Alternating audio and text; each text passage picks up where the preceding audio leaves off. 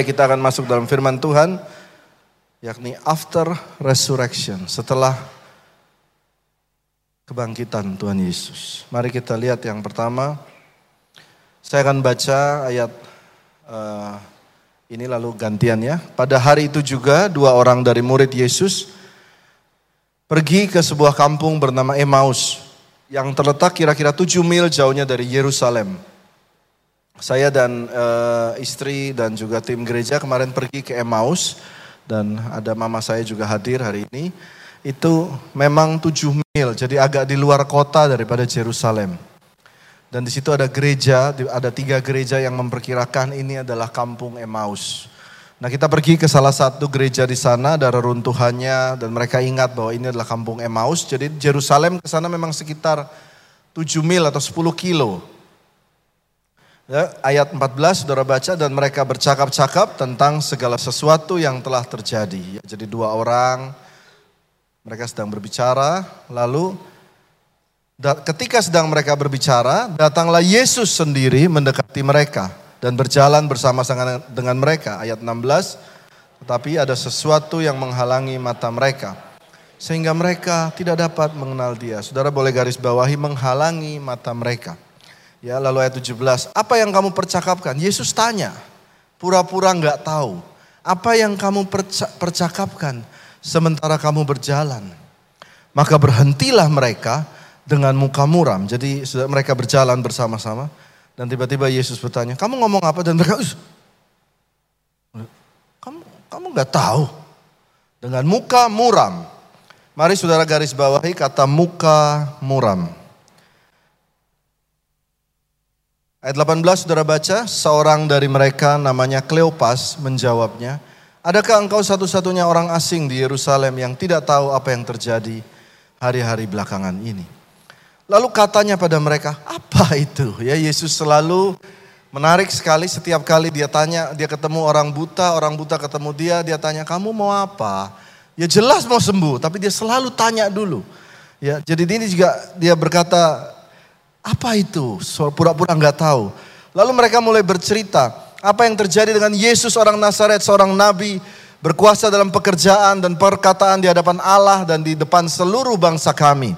Ayat 20 saudara, tetapi imam-imam kepala, pemimpin-pemimpin kami menyerahkan dia untuk dihukum mati. Mereka telah menyalibkannya. Padahal kami dahulu mengharapkan, ya mereka punya harapan pada Tuhan membebaskan bangsa Israel, tapi sudah lewat, terlambat semuanya. Saudara pernah punya harapan tapi tidak terjadi dan lewat delay, cancelled, makanya mukanya muram. Ya, lalu ayat 22 bagian saudara, tetapi beberapa perempuan dari kalangan kami telah mengejutkan kami. Pagi-pagi buta mereka telah pergi ke kubur. Ayat 23 dan tidak menemukan mayatnya. Lalu mereka datang dengan berita bahwa telah kelihatan kepada mereka malaikat-malaikat yang mengatakan bahwa ia hidup. Ayat 24, dan beberapa teman kami telah pergi ke kubur itu mendapati bahwa memang benar yang dikatakan perempuan-perempuan itu. Tetapi dia tidak mereka lihat. Ayat 25 bagian saya lalu ia berkata kepada mereka, Hai kamu orang bodoh, betapa lambannya hatimu sehingga tidak percaya segala sesuatu yang dikatakan para nabi. Ayat 26 saudara, bukankah Mesias harus menderita semuanya itu untuk masuk ke dalam kemuliaannya. Lalu ia menjelaskan kepada mereka apa yang tertulis tentang dia dari seluruh kitab suci mulai dari kitab Musa dan segala kitab nabi-nabi. Ayat 28, mereka mendekati kampung yang mereka tuju lalu ia berbuat seolah-olah hendak meneruskan perjalanannya. Sudah garis bawah lagi, seolah-olah hendak meneruskan perjalanannya. Tapi mereka mendesaknya katanya tinggallah bersama kami. Sebab hari telah menjelang malam dan matahari hampir terbenam. Dan akhirnya dia masuk untuk tinggal bersama-sama dengan mereka. Ayat 30 saudara, waktu ia duduk makan dengan mereka. Ia mengambil roti, mengucap berkat, lalu memecah-mecahkannya dan memberikannya kepada mereka. Nah bagian ini menarik. Pada waktu Yesus memecah-mecahkannya, baru mereka ingat, loh ini kan Yesus, mata mereka terbuka. Seorang hamba Tuhan berkata bahwa kalau kita mempelajari kekristenan, banyak sekali Tuhan Yesus mengajarkan kita untuk bersosialisasi itu pakai dengan cara makan bersama. Seringkali dengan makan bersama mata ini terbuka. Oh, ternyata ada jalan keluar ya. Karena kadang-kadang dalam makan bersama perut kenyang, jadi happy, kerjasama bisa terjadi. Makanya orang Chinese setiap kali mau ada kerjasama makan dulu, makan dulu. Bahkan orang Medan kalau telepon saya, halo Pak Albert, sudah makan belum? Hah? Saya bingung, kok ditanyainnya pertama sudah makan belum? Tapi itu rupanya mereka tanya kalau sudah makan, oh sudah Pak, baru dia ngomong gitu loh. Kalau dia bilang belum makan, masih lapar, dia nggak berani, takut bad mood, saudara. Jadi makan ini penting buat saudara semua pulang gereja, makan bersama keluarga, itu penting, katakan amin. Gak harus yang mewah, sesuai dengan kemampuan, tetapi makan bersama itu penting. Katakan amin. Jangan jangan takut uangnya habis, saudara. Nanti yang bayar gantian aja. ya. Jadi penting sekali makan bersama dan perhatikan saudara, mari kita baca ayat 30 sekali lagi. Waktu ia duduk makan dengan mereka, ia mengambil roti, mengucap Berkat. Saya ulangi lagi, mengucap apa? Mengucap berkat apa kutuk? Berkat. Siapa di sini yang di meja makan suka berantem? Ada di sini. Bertobat dalam nama Yesus. Karena di meja makan harusnya ucapkan berkat. Katakan amin. Ya, jadi pertama suami istri di meja makan jangan ucapkan kutuk, tapi ucapkan berkat. Pak, kami miskin pak. Saudara, engkau ucapkan berkat lima roti dua ikan, bisa untuk lima ribu orang. Makananmu itu bisa cukup, Tuhan berikan rejeki yang cukup bagi keluargamu, bagi anak-anakmu, bagi cucu-cucumu, katakan amin. Kalau kita mengucap berkat, tetapi sering orang Kristen di meja makan suka beran, Berantem. Betul ya? Kenapa suka berantem? Kenapa? Karena waktu ngobrol, kadang sampah semua keluar. Betul nggak? Dan mulailah berantem di situ. Karena itu penting kita tahu secara kekristenan diajarkan. Di meja makan ucap berkat. Dengan ucap berkat, mata ini jadi ter terbuka. Oh ternyata ada jalan Oh ternyata kita bisa, oh ternyata Tuhan ada di sini. Katakan amin. Baik kita lanjutkan. Ketika itu terbukalah mata mereka dan tetapi ia lenyap dari tengah-tengah mereka. Mari ayat 32 bagian saudara. Kata mereka seorang kepada yang lain, bukankah hati kita berkobar-kobar ketika ia berbicara dengan kita di tengah jalan.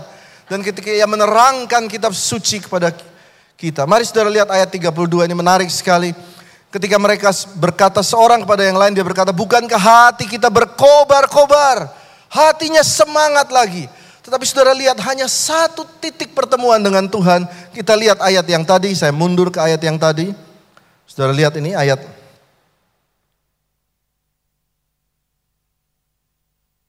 Ayat 17. Apa yang kamu percakapkan, maka berhentilah mereka dengan muka muram. Coba katakan muka muram. Tetapi bertemu Tuhan Yesus 15 ayat kemudian apa yang terjadi? Kita lihat betapa indahnya Alkitab. Hati mereka berkobar-kobar kembali. Hari ini saudara yang datang dengan muka muram. Saya berdoa pulang. Hatinya berkobar-kobar kembali. Yang datang dengan beban yang berat pulang dengan kelegaan. Karena itulah janji Tuhan. Lalu kita lihat ayat 33 kita baca bersama-sama satu dua tiga. Lalu bangunlah mereka dan terus kembali ke Yerusalem. Ya, kita ingat ya, bangunlah mereka. Ini mereka di mana sekarang? Emma, Emmaus. Coba katakan Emmaus, ya, Emmaus. Dan mereka kembali ke, jadi balik lagi. Oke, kita selesai ya. Sekarang kita lihat poinnya satu persatu. Cara Tuhan menjamah. Cara Tuhan menjamah ini sangat-sangat halus, saya berkata halus dan unik sekali. Waktu dia bangkit, ya Bapak Ibu, mari kita perhatikan sejenak cara Tuhan bekerja. Waktu dia bangkit, dia itu bangkit pagi-pagi hari. Waktu semua orang tidur ya Pak Gozali, ada Pak Gozali. Ada Pak Andi juga tadi. Pak Andi di mana Pak Andi? Pak Andi dan Ibu ada di belakang. Waktu dia bangun pagi-pagi hari itu orang nggak ada yang tahu.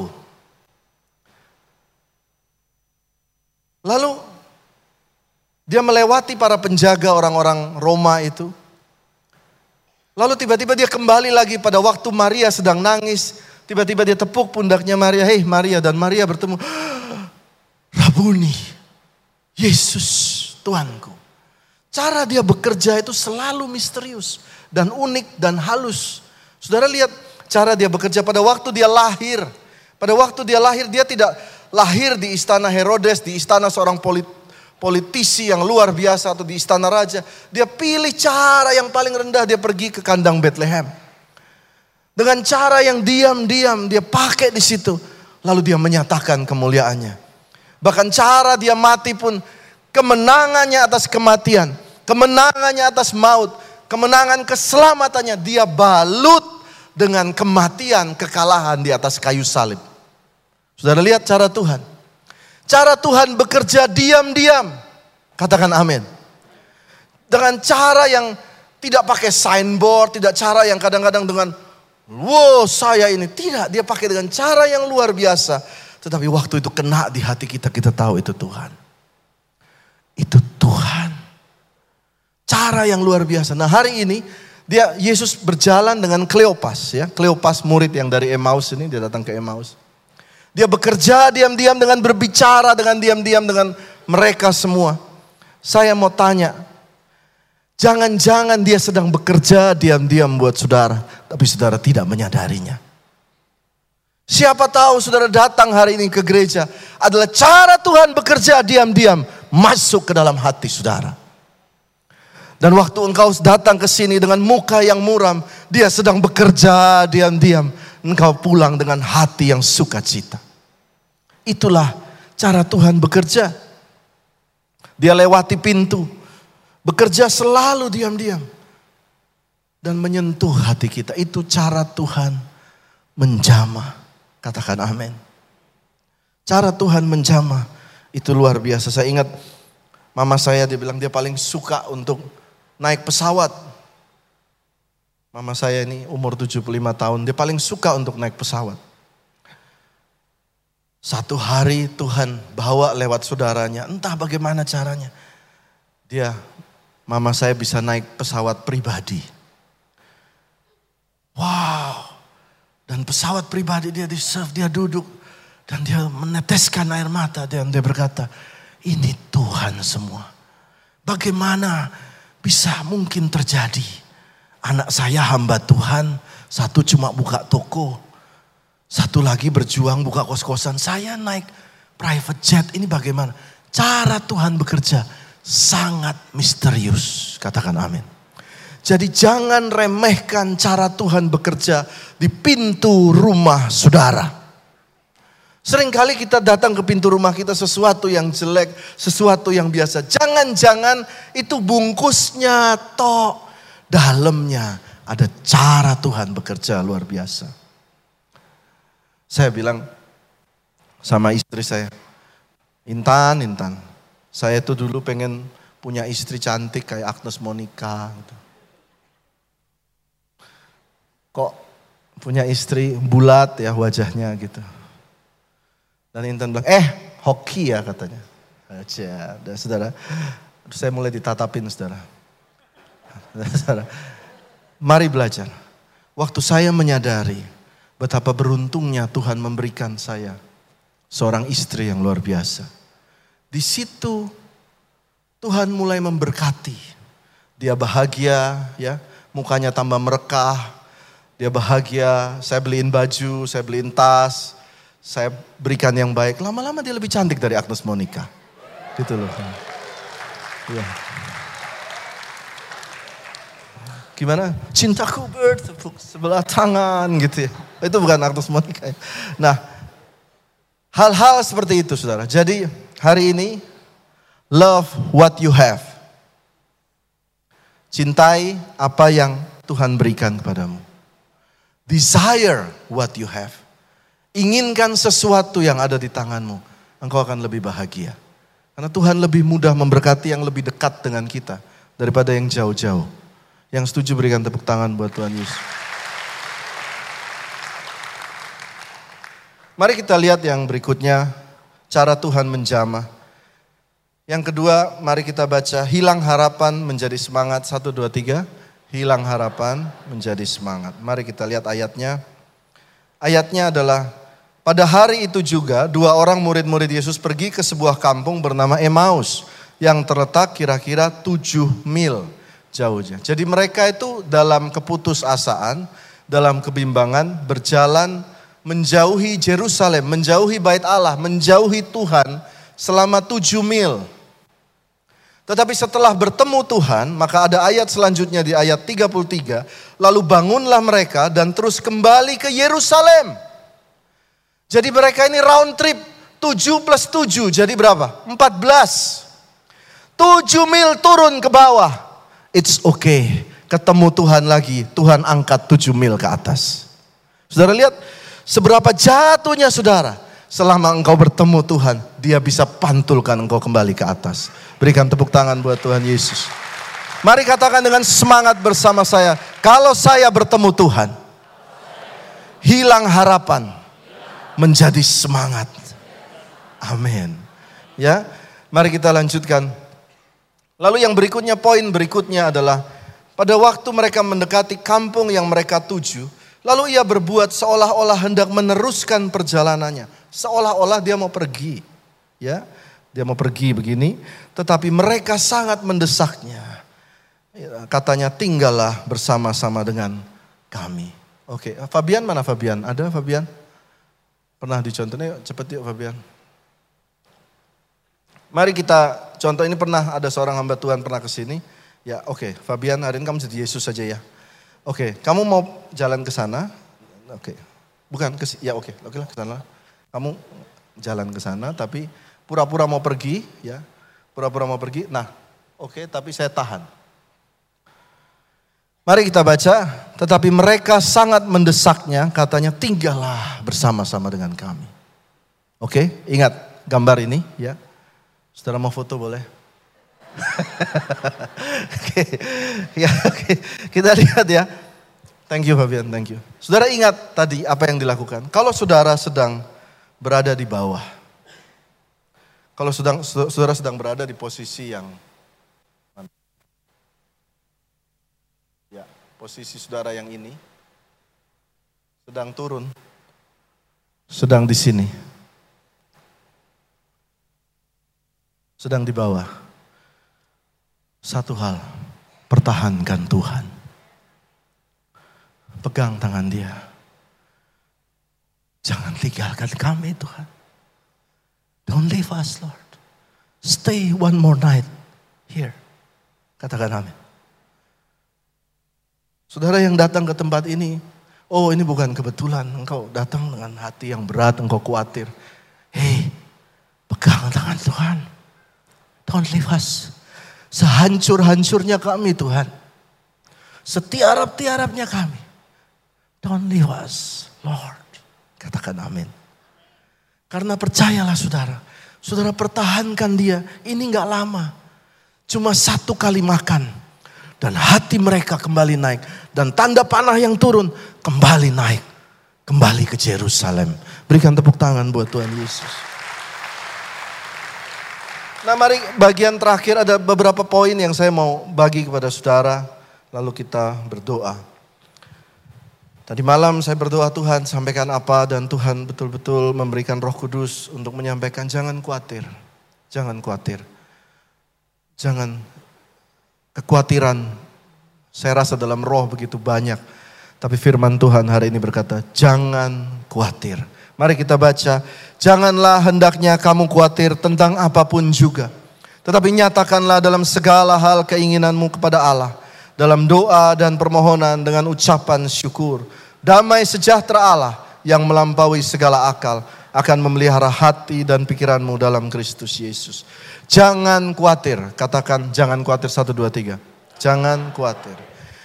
Kekhawatiran ini itu akan membuat Anda menjadi tidak sehat. Manusia tidak didesain untuk menanggung kekhawatiran dalam jangka waktu yang lama. Memang takut boleh, khawatir boleh, tetapi sesaat saja, jangan terus menerus. Kalau terus menerus itu akan merusak tulangmu, akan merusak kesehatanmu, akan merusak pikiran dan juga jiwamu dan yang terakhir akan merusak sekelilingmu. Sekitarmu juga rusak. Katakan amin.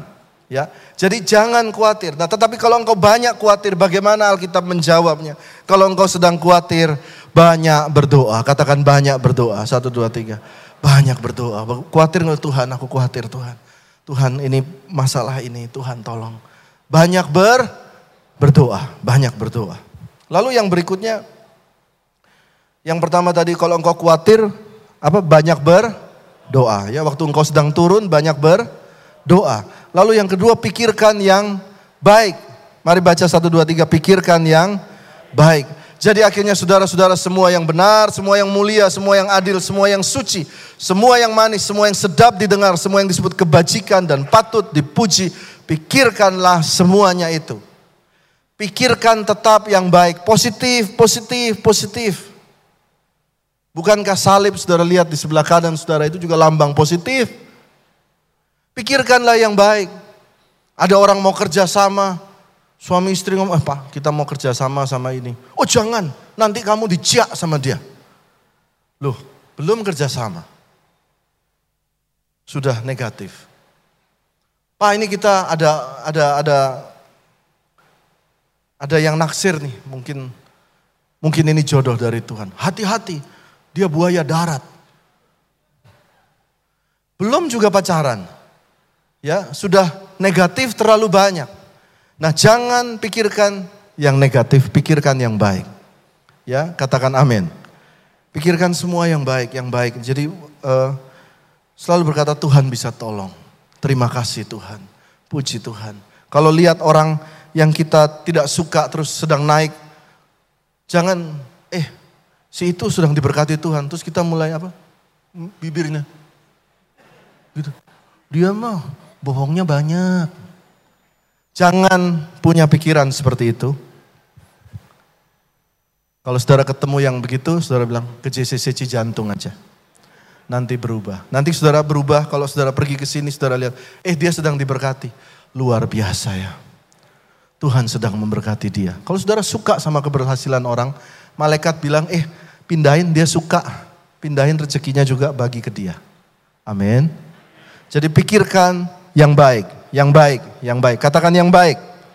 Coba lihat kanan kiri saudara, yang baik. Kenapa? Karena harus diulang-ulang terus. Karena mikir yang baik, tidak baiknya kebanyakan. Yang baik, pikirkan yang baik. Jadi kalau saudara khawatir, yang pertama banyak berdoa, yang kedua pikirkan yang yang baik. Pikirkanlah yang baik. Nanti makan di bakso bowo depan. Saudara tahu ada bakso bowo ya di depannya. Hanya pelayan di sini yang tahu. Makan bakso, eh jangan dimakan. Banyak pengawet. Waduh. Jangan dimakan. Oh, ini. Aduh, sudahlah, pikirkanlah yang baik, oke? Okay? Mari kita lanjutkan. Pikirkan yang baik. Find your rest, contentment. Ini bagian terakhir, saya undang tim PW Kukatakan ini bukanlah karena kekurangan, sebab aku telah belajar mencukupkan diri dalam segala keadaan. Aku tahu apa itu kekurangan, dan aku tahu apa itu kelimpahan. Lihat ya, I know what is lackness, I know what is abundance. Aku tahu kaya, aku tahu miskin. Dalam segala hal, dalam segala perkara, tidak ada sesuatu yang rahasia bagiku. Baik kenyang, maupun dalam hal lapar, baik dalam hal limpah, maupun dalam hal kurang. Saudara lihat beberapa, beberapa kali diulang sama Paulus. Satu, kukatakan ini bukan karena kekurangan, sebab aku mencukupkan diri dalam segala keadaan. Aku tahu itu apa kekurangan, apa itu kelimpahan. Satu kali. Dalam segala hal, dalam segala perkara, atas dan bawah dua kali. Tidak ada sesuatu yang rahasia. Lalu dia ulangin lagi. Dalam hal kenyang maupun lapar. Tiga kali. Lalu dia ulang lagi dalam kelimpahan maupun kekurangan. So ini apa sih Paulus? Rupanya berkaitan dengan ini. Rest area. Kita itu selalu berkata dalam hidup. Ini bukan, ini mari saudara pikirkan ya. Rest area itu adalah sebuah tempat di jalan tol ya. Tadi saya katakan tadi ada Pak Riki yang di belakang kerja di jasa marga di jalan tol. Dia bangun juga rest area, rest area. Mobil itu berjalan dan dalam perjalanannya itu berkata nanti kita akan istirahat di rest area. Di situ akan ada makanan, betul ya? Nanti kita berhenti lagi di rest area berikutnya. Tetapi dalam hidup kita, perhatikan ini. Seringkali kita berkata seperti Patih Gajah Mada. Aku tidak akan makan sampai aku kuasai Nusantara. Betul nggak? Saya ingat dulu mama saya pernah bilang, saya tidak akan beli baju sampai hutang lunas. Hutang papa saya lunas. Saya akan bahagia kalau saya sampai di rest area ini. Saya akan bahagia kalau saya sudah punya rumah. Saya akan bahagia kalau cicilan saya selesai. Saya akan bahagia kalau saya punya anak. Saya akan bahagia kalau saya punya istri kayak Agnes Monica. Kembali lagi. Saya akan bahagia kalau saya menemukan sumur itu. I will be happy. Dan Paulus berkata, dalam kelimpahan, dalam kekurangan, dalam kenyang, dalam miskin, dalam segala hal, dalam segala perkara, aku belajar mencukupkan diri. Apa itu artinya? Artinya engkau harus menemukan kebahagiaan itu dalam segala hal baik di atas maupun di bawah. Saya tadi pagi cerita begini. I hope we all can understand this story. Saya pernah maju dalam pekerjaan, saya pernah makan di Los Angeles sama istri, makan di sebuah restoran di Beverly Hills. Disajikan kepiting. Saudara, di Indonesia aja kepiting mahal ya. Makan kepiting di Los Angeles. Sombong. Lalu kaki saya, saya, oh ini ada kursi udah disiapkan. Kaki saya, saya. Lalu mata saya sayu gitu. gitu. Oh, ini toh yang namanya rest area saya. Akhirnya saya lihat kanan, kiri ya. Lalu Tuhan juga pernah bawa kami gagal sehingga saya sama istri makan warteg sama-sama. Namanya warteg Agung, saudara. Dekat rumah. Waktu saya duduk, saya mulai mulai sedih, mulai nangis. Ya Tuhan, kenapa nasib saya begini? Kemarin kau bawa aku ke atas, sekarang ke bawah begini. Lalu Tuhan ingatkan ayat ini. Kukatakan ini Bukan karena aku kekurangan. Dalam kenyang, dalam lapar, dalam kaya, dalam miskin. Contentment. Rasakan kebahagiaan setiap waktu. Lalu saya mulai mencoba merasa bahagia di warteg itu. Ternyata banyak bahagia juga di bawah loh. Bahagia di warteg itu sambelnya bebas ngambil saudara Sebanyak mungkin bebas. Sayur sopnya bebas gratis. Tambah tehnya gratis. Pakai gayung. Pertama saudara bilang, wah kok sedih Tuhan. Lama-lama saya menemukan, eh bahagia ya. It's happiness. Hey, makan warteg juga bisa bahagia. Berikan tepuk tangan buat Tuhan. Mengapa mukamu muram? Saudara lihat Tuhan mulai masuk ke dalam hatimu saat ini diam-diam kan? Engkau bilang, Kenapa hidupku begini? Eh, Tuhan bilang, be happy. I bless you. Engkau masih bisa bernapas. Engkau bisa punya anak. Engkau punya rumah ada atapnya. Be thankful. Anak-anak masih sehat. Anak saya kemarin dapat beasiswa. Oh haleluya. Dulu sombong. Terus sekolah mana? Sekolah mana? Belajar saudara. Be contentment. Contentment. Saya tulis di sini. Waktu engkau menemukan Tuhan, engkau menemukan rest. Hatimu ini tenang. Waktu hatimu tenang, Tuhan kasih peace, damai sejahtera. Katakan damai sejahtera.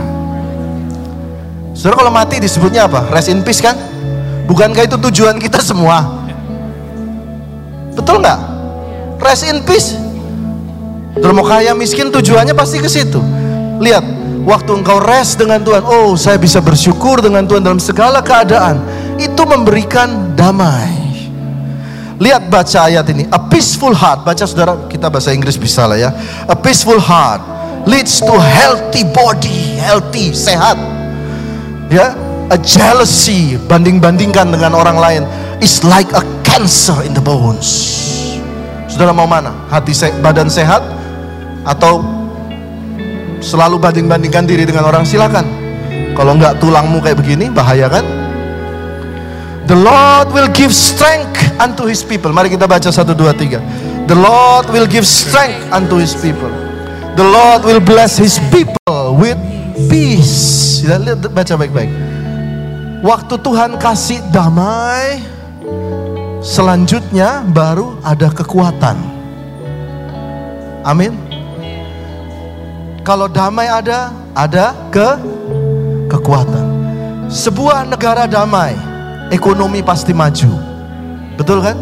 Kalau saudara damai dengan diri saudara, damai dengan Tuhan. Oh, I, aku menikmati bakso bowo ada ada ada pengawetnya pakai oke okay lah, asik juga kok. Banyak micin juga. Wow, haleluya. Amin. Senyum makanya, ngapain pakai air mata? Pada waktu engkau rest bersama Tuhan. Lihat ayat ini. Mari baca, come to me. Mari kita bangkit berdiri kita. Mari kita baca dengan kuat. Come to me. All you who are weary and burdened. And I will give you rest. Berikan tepuk tangan.